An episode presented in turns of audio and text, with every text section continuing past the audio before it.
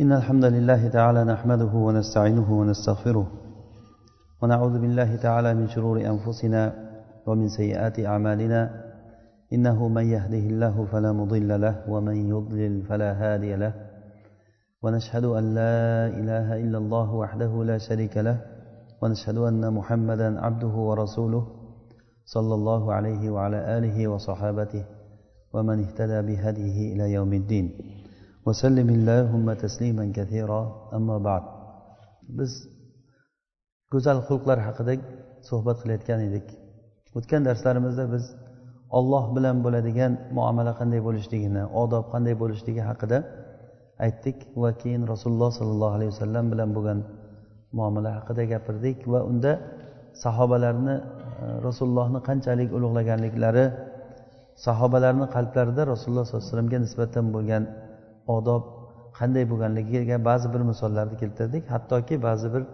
sahobiya ayollardan ham misollar keltirdik. Keyingi navbatdagi bugun gapirmoqchi bo'lgan narsamiz xalq bilan bo'lgan odob. Allohni xalqi bilan bo'lgan odob. Bu odob har bir odamni o'ziga xos bir muomalasi bo'ladi. Har bir har bir odamni o'ziga xos bo'lgan muomalasi bo'ladi. Masalan ota onaga qilinadigan odob boshqa kishiga qilinadigan odobdan farq qiladi. Ustoz bilan bo'ladigan odob va o'zini sheriklari bilan bo'ladigan odob qo'shnilari bilan har bir insonni odamiga qarab odob axloq o'zgaradi. O'zi biz boshdan agar gapiradigan bo'lsak buni alloh subhanahu va taolo odobni yaxshi ko'radi. Rasululloh sollallohu alayhi vasallam biz boshida bu darsimizni boshidan keltirgan hadisda aytdilarki deb. Men go'zal xulqlarni tamomiy qilishlik uchun yuborildim dedilar. Rasululloh sollallohu alayhi vasallamni payg'ambar bo'lib kelishliklaridan maqsad shu odob axloqlarni eng tamomiy darajaga chiqarish ekan. U olloh bilan bo'lsin u odob yoki rasulullohni shariatlari bilan bo'lsin yoki bo'lsa insonlar bilan bo'lsin bu axloqlarni tamomiy nihoyiy darajaga chiqarishlik uchun men yuborilindim dedilar. Demak odob axloq odamidan odamiga qarab farq qiladi. Har bir odamga qilinadigan o'zini odobi bor. Ali roziyallohu anhu aytganlari kabi odamlarga aql yetayotgan narsani gapiringlar deganlar. Ya'ni bu ham bir odobdan. Ya'ni olloh va rasulini yolg'onchi deyilishligini yaxshi ko'rasizlarmi dedilar. Odamlarga aqli yetmayotgan narsani gapirsa u ba'zi bir kishilarga fitna bo'lishligi mumkin. Gapirilingan gap ba'zi kishilarga fitna bo'lishligi mumkin. Va yana joyda har bir joyni odobi bor. Masalan ovqat yeyish odobi bor suv ichishlik odoblari bor o'tirish odobi turish odobi majlisda masalan darsda o'tirish odobi ham bor. Bu ham o'ziga yarasha katta bir odob talab qiladi. Darsda sabr qilib turib odob bilan eshitib turishlik bu katta odobli bo'lishi kerak bu uchun odam. Hattoki hojatxonada bo'ladigan odob bor. Uxlash odoblari bor markabga minish odoblari bir manzilga borganda tushish odoblari ilm o'qishlik odoblari bor namoz o'qishlik ibodat qilishlik. Qisqasi qaysi bir sohaga qaramang o'ziga yarasha odob bor. Masalan namoz o'qishlik odoblari vojib va mustahabni orasida ibn qayim rahimaulloh madariji salikinda aytganlarki alloh taolo bizga o'rgatgan odoblar rasululloh sollallohu alayhi vasallam o'rgatgan odoblari yuzga yaqin odoblar bor namozni o'zida. Hatto hozirgi zamonaviy tilda gapirsak agar telefonda gaplashish odoblari ham bor. Bu ham bir xalq bilan bo'ladigan odobga kiradi. Bakr abu zayd rahimaullohni adabul hatif degan bir risola kitobchalasi bor edi. Ya'ni telefonda gaplashish odoblari degan. Musulmon kishini o'ziga yarasha bunda ham bir axloq go'zal bir xulqlari bo'lishi kerak. Bu xulqlar ollohni kitobidan va rasulni sunnatidan olingan odoblar bo'ladi. Bunda aynan o'sha istezon odoblarini ishlatishligimiz mumkin. Ya'ni bir uyga borsalaring agar e, sizlar izn so'ranglar kirishdan oldin. Agar izn so'ranglar izn berilinmasa qaytinglar desa qaytinglar degan. Hatto ba'zi salaflar aytgan ekanki men bir umr havas qilib yurdimki bir kishini so'rab borsam bor qaytgin desa qaytib ketishlikni havas qilib yurdim lekin hech shu holatni uchratmadim degan. Ya'ni qaytib ketgan shu alloh taoloni agar sizlarga qaytinglar deyilsa qaytinglar mana shu qaytishlaring sizlar uchun yaxshiroq degan oyatiga amal qilishlik uchun. Mana bu o'ziga yarasha odob istezon odobi. Bir uyga borganingizda odob bilan o'sha joyda izn so'rash kirishda bu istezon ko'zga bo'ladi. Ya'ni ba'zi odamlar bor chaqirib eshikni ochib ichkariga qarab turib chaqiradi. Falonchi falonchi deb. Ya'ni bu narsa chaqirish o'sha istezon odobiga g'ir teskari narsa. Rasululloh sollallohu alayhi vasallam buxoriyni hadisida keladi. Eshikdan chiqishlarida eshik orasidan qarab turganligini ko'rib qo'llarida bir e, sochni tindalaydigan bir nima bo'lgan taxtadan bo'lgan uchlik narsa bo'lgan. Mana shuni ko'zingga tiqib olishligi mumkin degan ma'noda gapni aytganlar. Ya'ni bu narsa o'zi shar'an mumkin. Agar bir kishi birovni haramiga agar ruxsatsiz qarab turgan bo'lsa shuni ko'ziga tiqib olishligi mumkin bo'ladi. Yurish odoblari bor. Masalan ko'chada yurish odoblari masjid odoblari bor e'tikofda odoblari bor. Va hokazo. Mana bu narsalarni har birini alohida alohida fiqh kitoblarida o'rganiladi. Bizni bu darsimizda biz umumiy qilib turib xalq bilan bo'ladigan odoblar haqida ba'zi bir tushunchalar berish maqsadimiz.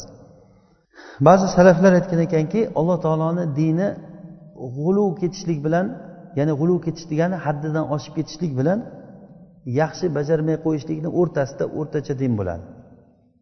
Bu har bir narsada bo'ladi. Hattoki ollohni haqqidan boshladik bu narsani.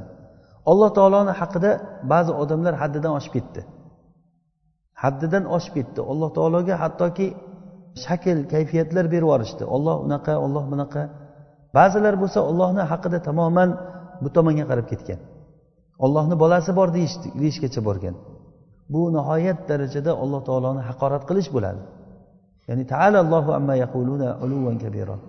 Takadu samawatu yatafattarna minhu va tanshaqul ardu va takhirrul jibalu hadda an da'u lirrohmani valada ya'ni osmonlar yorilib ketaman deydi bularni gapirgan gapiga. Va tog'lar qulab ketaman deydi yerlar yorilib ketaman deydi. Tog' qulab ketaman deydi bularni gapirgan gapiga. U gapi nima? Ollohni bolasi bor degan gaplari.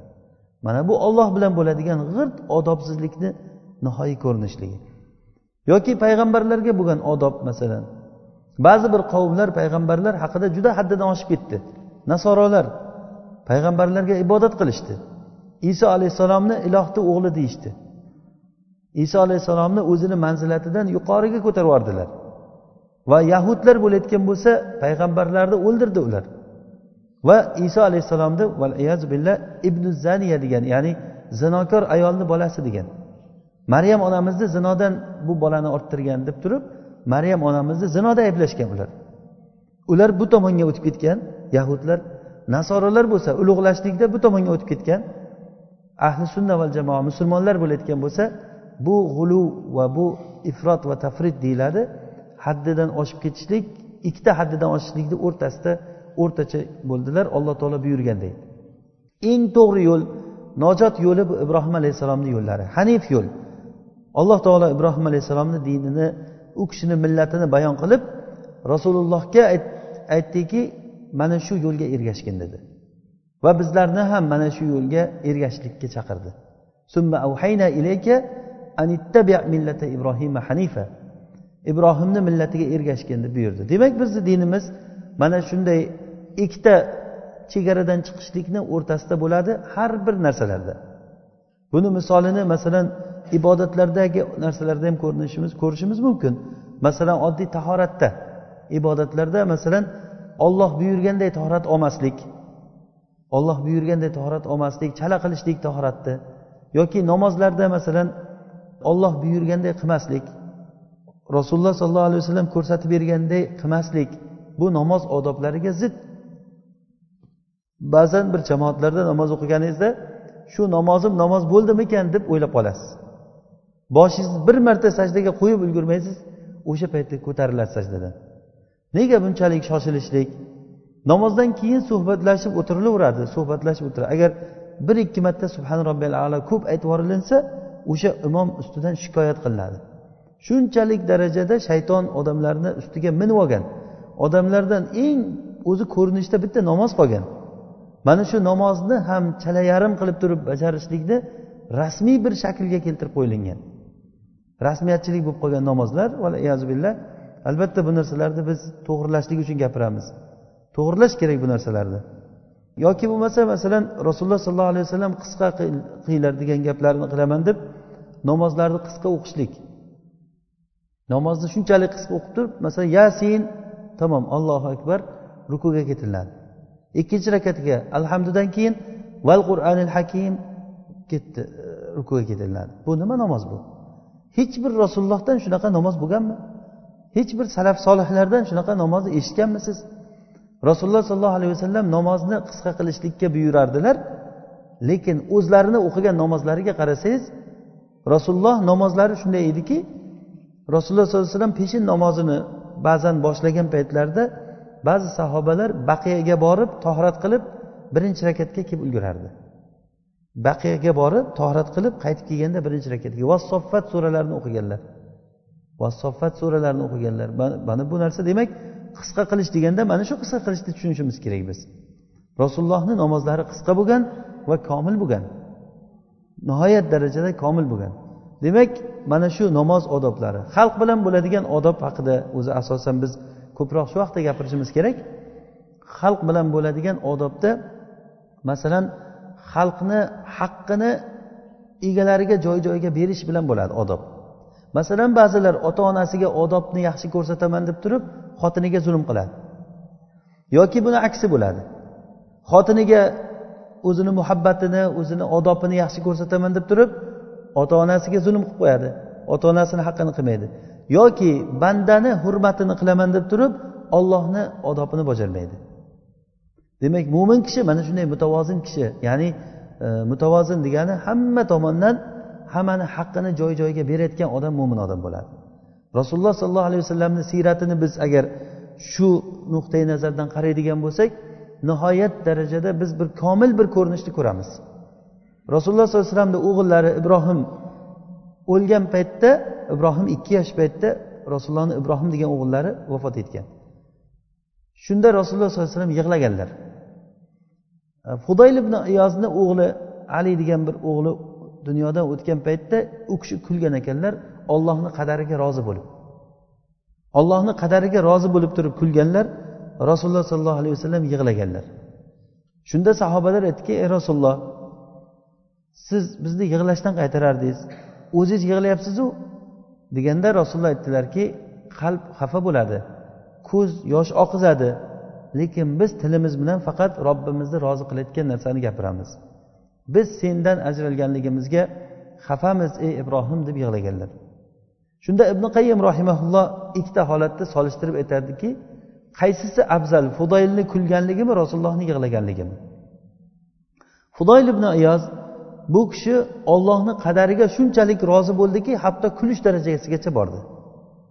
Hatto kulish darajasigacha borgan. Lekin bu kishi ko'zni haqqini bermadi. Ko'zni haqqi ko'z yoshida oqizish kerak bunday paytda. Mana bu odobi musibatni odobi bu. Musibat paytida odam kulib turishligi masalan janoza paytida kulib o'tirishligi odamni bu odobsizlikka kiradi bu. Xuddiki dars paytida kulib yoki telefon titib bir narsalarga qarab o'tirsa sizni yuzingizga qarab bir kishi gapirgan paytda bu odam o'sha telefoniga qarab bir narsalar bilan shug'ullanib o'tirsa bu odobsizlik alomati bu. O'sha gapni gapirayotgan odamni qadrsizligini bildiradi bu narsa. Demak har bir narsani o'zini haqqi bor. Musibat paytida ko'zni haqqi yosh oqizishligi qalbning haqqi xafa bo'lishligi lekin tilni haqqi ollohni rozi qilayotgan kalimani gapirishlik kerak. Rasululloh sollallohu alayhi vasallam uchala a'zoni ham haqqini berdilar. Ko'zlari yosh oqizdi qalblari xafa bo'ldi. Kim xafa bo'lmaydi farzand o'lganiga? Yana bo'lib ham ikki yoshlik farzand eng shirin paytiga borgan paytda rasululloh sollallohu alayhi vasallam eng odamlarni rahmli kishisi edi. Hatto qur'onda vabil mu'minina raufur rohim deyilgan. Mo'minlarga rahmlik mehribon zot deyilgan. Azizun alayhima anittum harisun alaykum. Ya'ni mo'minlarga keladigan musibatlar rasulullohga aytyaptiki sizga qattiq botadi judayam. Va mo'minlarga rahmlik va bil mu'minina rauf rohim. Ya'ni rasululloh alayhi vasallam juda mehribon deganlar. Mana bu narsa odoblardan bo'ladi. Har bir narsani joy joyida odobini ya'ni haqqini berishlik bandani haqqini berishlik masalan namoz o'qiyman deb turib o'zini ahlini haqqidan kechib namoz o'qishligi demak bu mana shu o'rtadagi bo'layotgan odobni joyiga qo'yish bo'lmaydi. Rasululloh sollallohu alayhi vasallam har bir haq egasini haqqini joyiga berganlar. Seni o'zingni ustingda haqqing bor va ahlingni seni ustida haqqing bor haq bor. Va robbingni haqqi bor va qo'shningni haqqi bor va seni mehmoningni haqqi bor seni ustingda. Har bir haq egasini haqqini joy joyiga bergin deganlar. Demak rasululloh sollallohu alayhi vasallam o'zlari mana shunday kishi edilar. To'qqizta ayollari bor edi. Lekin o'sha to'qqizta ayoli va ummatni ishi e, bu ibodatlar hammasini joy joyiga qo'ygan kishi rasululloh sollallohu alayhi vasallam. Hammasiga ulgurganlar. Ummatni ishiga ulgurganlar qiynalgan qayerda bir holat bo'lsa rasululloh sollallohu alayhi vasallam o'sha joydan topardingiz qiyinchilik bo'lsa agar. Safarlarda rasululloh sollallohu alayhi vasallam qavmni eng oxirida yurganlar. Oxirida yurganliklarini sababi qolib ketgan odamlarga yordam berishlik uchun. Hatto mana buxoriyni hadisida keladi bir kuni safardan qaytishimizda deydi jobir roziyallohu anhuni hadisida u kishini tuyasi charchab qolgan yurolmay qolgan tuyasi. Shunda rasululloh sollallohu alayhi vasallam kelib qoldi jobirmisan? deganda ha jobirman. Nima bo'ldi? deganda tuyam yurmay qoldi ey rasululloh deganda rasululloh sollallohu alayhi vasallam cho'plari bilan tuyasini bir urganda shu tuya chopib ketgan keyin. Ya'ni qavmni orqasida kelayotgan bo'lganlar o'shanda rasululloh. Nima uchun? Birorta mana shunaqangi jobirga o'xshagan odamlar qolib ketsa rasululloh sallallohu alayhi vasallam ularga yordam berib olib kelgan o'zlari bilan birga. Mana bu qavmda sayyidi mana shunday bo'ladi. Hammadan oldinga o'tib ketib hammadan birinchi ovqatni yeb olib hammadan birinchi yaxshi joyga kirib oladigan bo'lmaganlar rasululloh sollallohu alayhi vasallam. Ya'ni mo'minlarni holati rasululloh sollallohu alayhi vasallam uchun juda qattiq bo'lgan. Hatto qanday g'azotidagi holatlarini qarasak ham qornilariga tosh bog'lab yurganlar rasululloh sollallohu alayhi vasallam. Qanday qozishlik boshlangan paytda sahobalar rasululloh sollallohu alayhi vasallam boshchiligida uch sutka ovqat yemagan ekan. Uch sutka ovqat yemasdan tinimsiz ishlagan. Biz handakni qancha kattaligini biz aytgan edik uni. O'n ikki kilometr atrofida bo'lgan. Besh metr buyog'i besh metr chuqurligi o'rtachasiga. Mana shuncha joyda o'n kunga yetar yetmas vaqt ichida ko'la bo'lishi kerak bo'lgan. Chunki ular mushriklar yetib keladi madinaga ham yana toshlik joy mana shu joylarda ishlaganlar hozir bugun o'qigan suramizda لقد تاب الله على النبي والمهاجرين والأنصار الذين اتبعوه في ساعة العسرة alloh taolo ularni tavbasini qabul qildi payg'ambarni va ansorlar muhojirlarni va ansorlarniki ular kimlar rasulullohga qiyinchilik soatlarida ergashgan odamlar mana shu qiyinchilik soatlarida ulamolar aytishadiki shu qiyinchiliklardan biri shu handak g'azotidagi vaqt? Rosa qiyinchilik vaqti bo'lgan. Qisqasi rasululloh sollallohu alayhi vasallam mana shu odoblarni axloqlarni qanday bo'lishligini ko'rsatib berganlar. Banda bilan bo'ladigan odob demak har bir haq egasini haqqini berishlik. Olib qolish ham kerak emas va undan ko'p berish ham kerak emas. Ya'ni qanday degani bu? Masalan bir o'xshatsak bir uy bo'lsa shu uyda hamma jihozlari komil. Birorta ortiqcha jihozga joy yo'q. Endi siz agar bir jihoz olib kiradigan bo'lsangiz bitta jihozni olib chiqib tashlab uni olib kirishingiz kerak. Bu olloh taolo mana shunday yaratgan hamma joyda. Bu narsani komilligi shariat bilan bo'ldi. Shariatga agar biz amal qilsak hamma narsani haqqi joy joyiga beriladi. Agar shariatga amal qilmasa kimgadir zulm qiladi. Masalan oddiy oling meros masalasi. Meros masalasida aksar odamlar zolim bu masalada. Merosxo'rni haqqini bermaydi. Hattoki ba'zi bir kishilar kimgadir rahmi kelib masalan mayyitni o'lgan kishini bir e, eng kichik farzandi bo'lsa shu kichik farzandiga qolishlik uchun yordam beradi hamma odamlar. Bu shariatga to'g'ri kelmaydiku degan narsani hech kim xayoliga ham keltirmaydi. Demak bu narsa haqida ozroq o'ylab ko'rishlik kerak. Xuddiki yuqorida aytganimiz kabi shariat shunday bir komil bir uyga o'xshaydi. Bu uyni ichida jihozlari komil hamma narsa joy joyiga qo'yilgan. Agarda kimda kim bir narsani o'rnini almashtirsa o'zgartirsa u uyda nimadir buziladi. Chunki bu uyni bu shariatni tuzuvchisi robbil alamin. Uni oddiy bir misoli koinotdagi bo'ladigan moslikni koinot qonunlarini buni biz ollohni rububiy sunnatlari deymiz. Shu sunnatlarni biz misol tarzda ko'rsak bo'ladi. Birorta sunnatni mana bunday bo'lmabdida deb ayta olasizmi? Insonni yaratilishligini oling. Insonni ko'zini qayerga qo'yish mumkindi bundan boshqa? O'ylab ko'ringchi inson ko'zini laqad insana fi ahsani taqvim dedi alloh taolo. Insonni go'zal shaklda yaratdik degan. Quloqlarini ayting qo'llarini ayting barmoqlarni ayting. Inson o'zini tanasi haqida bir a'zolari haqida ozroq taammul qilib ko'rsa robbil alamin nihoyat darajada komil insonni mana shunday e, komil holatda yaratganligini ko'rasiz. Mana bu bandalar bilan bo'ladigan odob. Bu odoblardan e, bugun men aytmoqchi bo'lganim odamlar bilan bo'ladigan odob judayam ko'p. Bulardan eng asosiysi sabr. Eng birinchisi asosiysi bu narsa to'rtta narsa ustida quriladi. Sabr va shijoat va iffat va adolat. Sabr shijoat iffat va adolat. Endi bu haqida qancha gapirsak gap ko'p bu narsada. Har bittasi haqida alohida alohida gapirsa bo'ladi. Lekin asosan sabr e, ya'ni xulqni asosan chiqarayotgan narsalar birinchi sabrni ustiga quriladi. Masalan sabrdan kelib chiqadi har bir shoshilmaslik E, birovga g'azab qilmaslik sabrsizlikdan kelib chiqadi. Ko'p yomon xulqlarni ko'ring. Buni sababi nima? Sababi sabrsizlik. Ko'p yomon xulqlarni sababi sabrsizlik bo'ladi. O'sha sabr sabrni orqasidan kelib chiqadi. Mana shu sabrdan keyin yaxshi xulqlar kelib chiqadi. Masalan g'azabni yutishlik. G'azabni yutishlik bu uchun juda katta sabr kerak. G'azab g'azabni yutishlik uchun juda katta sabr kerak. Rasululloh sollallohu alayhi vasallam eng mana shu sabr qiluvchilarni imomi edilar. Mana oysha onamiz rivoyat qilgan hadisda e, sahihaynda keladi. Rasululloh sollallohu alayhi vasallam toifga da'vatga bordilar. Toifga borib toif xalqini da'vat nima uchun toifga bordilar? Makka xalqi umuman rasululloh gaplariga quloq solmadi. Keyin toifga borib toifni da'vat qilganlarida toif ahli o'zini haligi yoshlarini va ahmoqlarini rasulullohga qarshi tezlagan majnunlari safihlari rasulullohni toshbo'ron qilgan shunda toshbo'ron qilib turib rasulullohni oyoqlarini qonatgan. Bu judayam xunuk holatda chiqargan rasululloh sollallohu alayhi vasallamni. Ya'ni bir odamga o'xshab muomala ham qilmagan. Mayli iymon keltirmayotgan bo'lsa iymon keltirmaymiz biz o'zimizni yo'limiz bor o'zimizni dinimiz bor deb qo'ymaganda haligi jinnilariga aytgan toshbo'ron qilib turib rasulullohni quvib chiqargan. Bu yoqda o'sha xalq kulib hammasi ahmoq qilib tomosha qilib o'tirgan. Ya'ni odam o'zini o'sha holatga qo'yib ko'ring siz o'sha holatda siz bo'lsangiz nima qilardingiz? O'shanday bo'lib turgan paytda alloh taolo bir farishtani yubordi. Farishta kelib aytdiki ey rasululloh olloh meni sizga yubordi. Sizni xizmatingizdaman men nima qilay? Mana shu tog'ni shu qavmni ustiga qoplab qo'yaymi? ayting degan. Ana shu paytda rasulullohni g'azabni yutishliklari ko'rindi.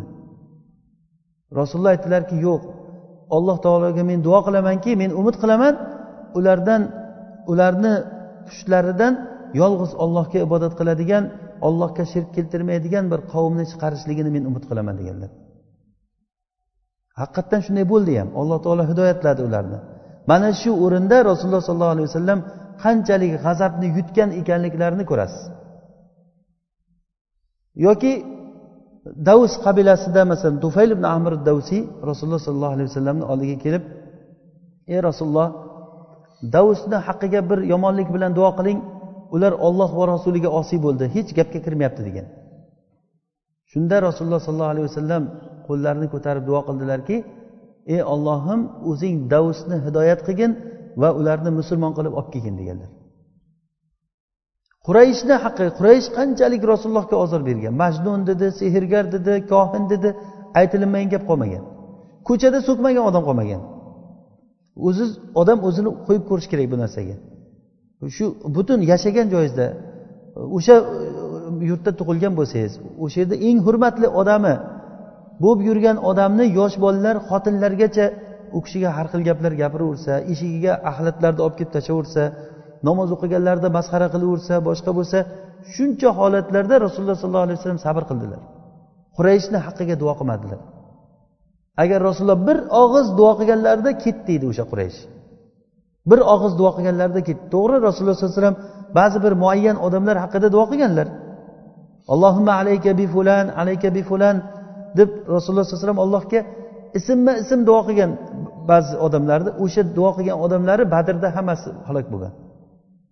Yoki abu lahabni o'g'lini rasululloh sallallohu alayhi vasallam duo qilganlar. Abu lahabni o'g'liga rasulullohni qizi tushgan. Rasululloh da'vat qilib chiqqanlaridan keyin abu lahab rasulullohni qizini olib borib turib mani seni qizing menga kerak emas olgin deb rasulullohga juda xunuk gapni gapirgan. Shunda rasululloh sollallohu alayhi vasallam unga kuchuklarga yem bo'lgin deb duo qilganlar. Xuddi aytganlaridek bir safarga chiqqan paytda e, bir sher kelib turib g'ajib yeb ketgan. Abu lahabni o'g'lini shu nimalarda e, siyratlarda kelishicha. E, ya'ni muayyan bir kishilarga duo qilganlar lekin rasululloh sallallohu ommaviy tarzda hech qachon o'zini qavmiga yomon duo qilmaganlar. Qaysi holatda ko'ring rasululloh sollallohu alayhi vasallamni sabr qiluvchi g'azabni yutuvchi holatda topasiz abu davud va termiziy va nasaiy va ibn majah ashabi sunan al arba deydi. Shular rivoyat qilgan hadisda rasululloh sollallohu alayhi vasallam aytadilarki agarda kim o'zini g'azabini yutayotgan bo'lsa g'azabini yutayotgan bo'lsa bu g'azabni g'azabni ijro qilishlikka qodir bo'lib turib agar g'azabini yutadigan bo'lsa qiyomat kunida alloh taolo tarafidan bir nido qiluvchi nido qilinar ekan. Ey falonchi bu yoqqa chiqqin deb turib odamlar ichida o'sha odamni ajratib chiqarib turib ho'ri inlardan xohlaganingni ko'rsat nikohlab beramiz der ekan. Bu bir marta g'azabni yutgan odamga bo'lgan mukofot bu. Demak bundan bilamizki alloh taolo g'azabni yutuvchilarni yaxshi ko'radi. Qur'onda ham g'azabni yutgan odamlar deb kelgan. Yoki rasululloh sollallohu alayhi vasallam mana oysha onamiz rivoyat qilgan hadisda termiziy rivoyat qilgan rasululloh sollallohu alayhi vasallam aytdilarki uch narsaga men qasam ichib aytaman dedilar. Uch narsaga men qasam ichib aytaman. Birinchisi sadaqa berishlikdan nafaqa berishlikdan mol kamaymaydi deganlar. Ya'ni salasun uqsimu alayhinna. Uch narsa borki men unga qasam ichib aytaman. Birinchisi sadaqadan mol kamaymaydi.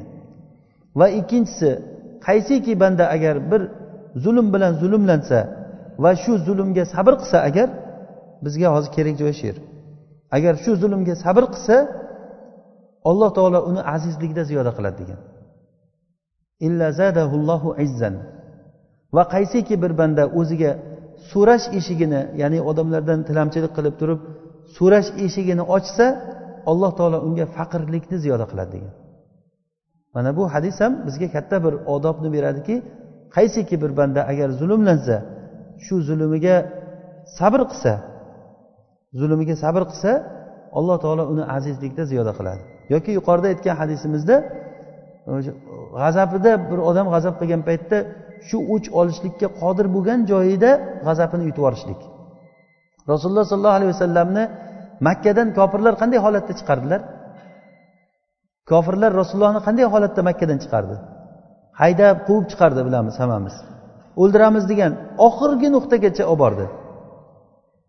Qochib chiqdilar hijratni voqeasini mana aytib berganmiz. Lekin o'n yildan keyin qanday holatda kirib keldilar? O'n yildan keyin eng aziz ko'rinishda kirib kelganlar. Birorta odam qarshi chiqolmagan hatto abu sufyon ham boshqasi hammasi abu sufyon musulmon bo'ldi.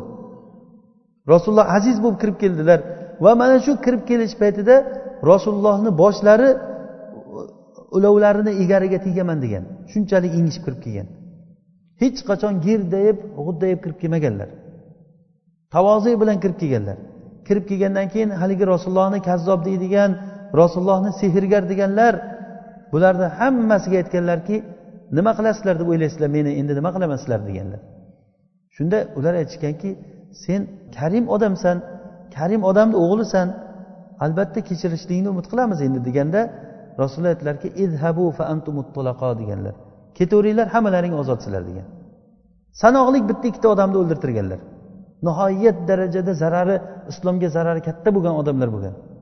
Lekin hamma xalqni shunday kechirib yuborganlar rasulullohga shunchalik ozor bergan ustlariga axlat tashlagan haqlariga qancha zulm qilgan odamlarni rasululloh sollallohu alayhi vasallam hammasini idhabu fa antum dedilar. Mana bu narsada biz uchun katta bir dars bor. Demak inshaalloh bu suhbatimizni davomi bor. Hali alloh taolo hammamizga foydali ilmni bersin. O'qigan ilmlarimizdan eshitgan ilmlarimizdan alloh taolo foydalantirsin. alloh taolo bu darsimizni barakali darslardan qilsin. Subhanakallohu bihamdik nashhadu an la ilaha illa ant nastag'firuka va natubu ilayk.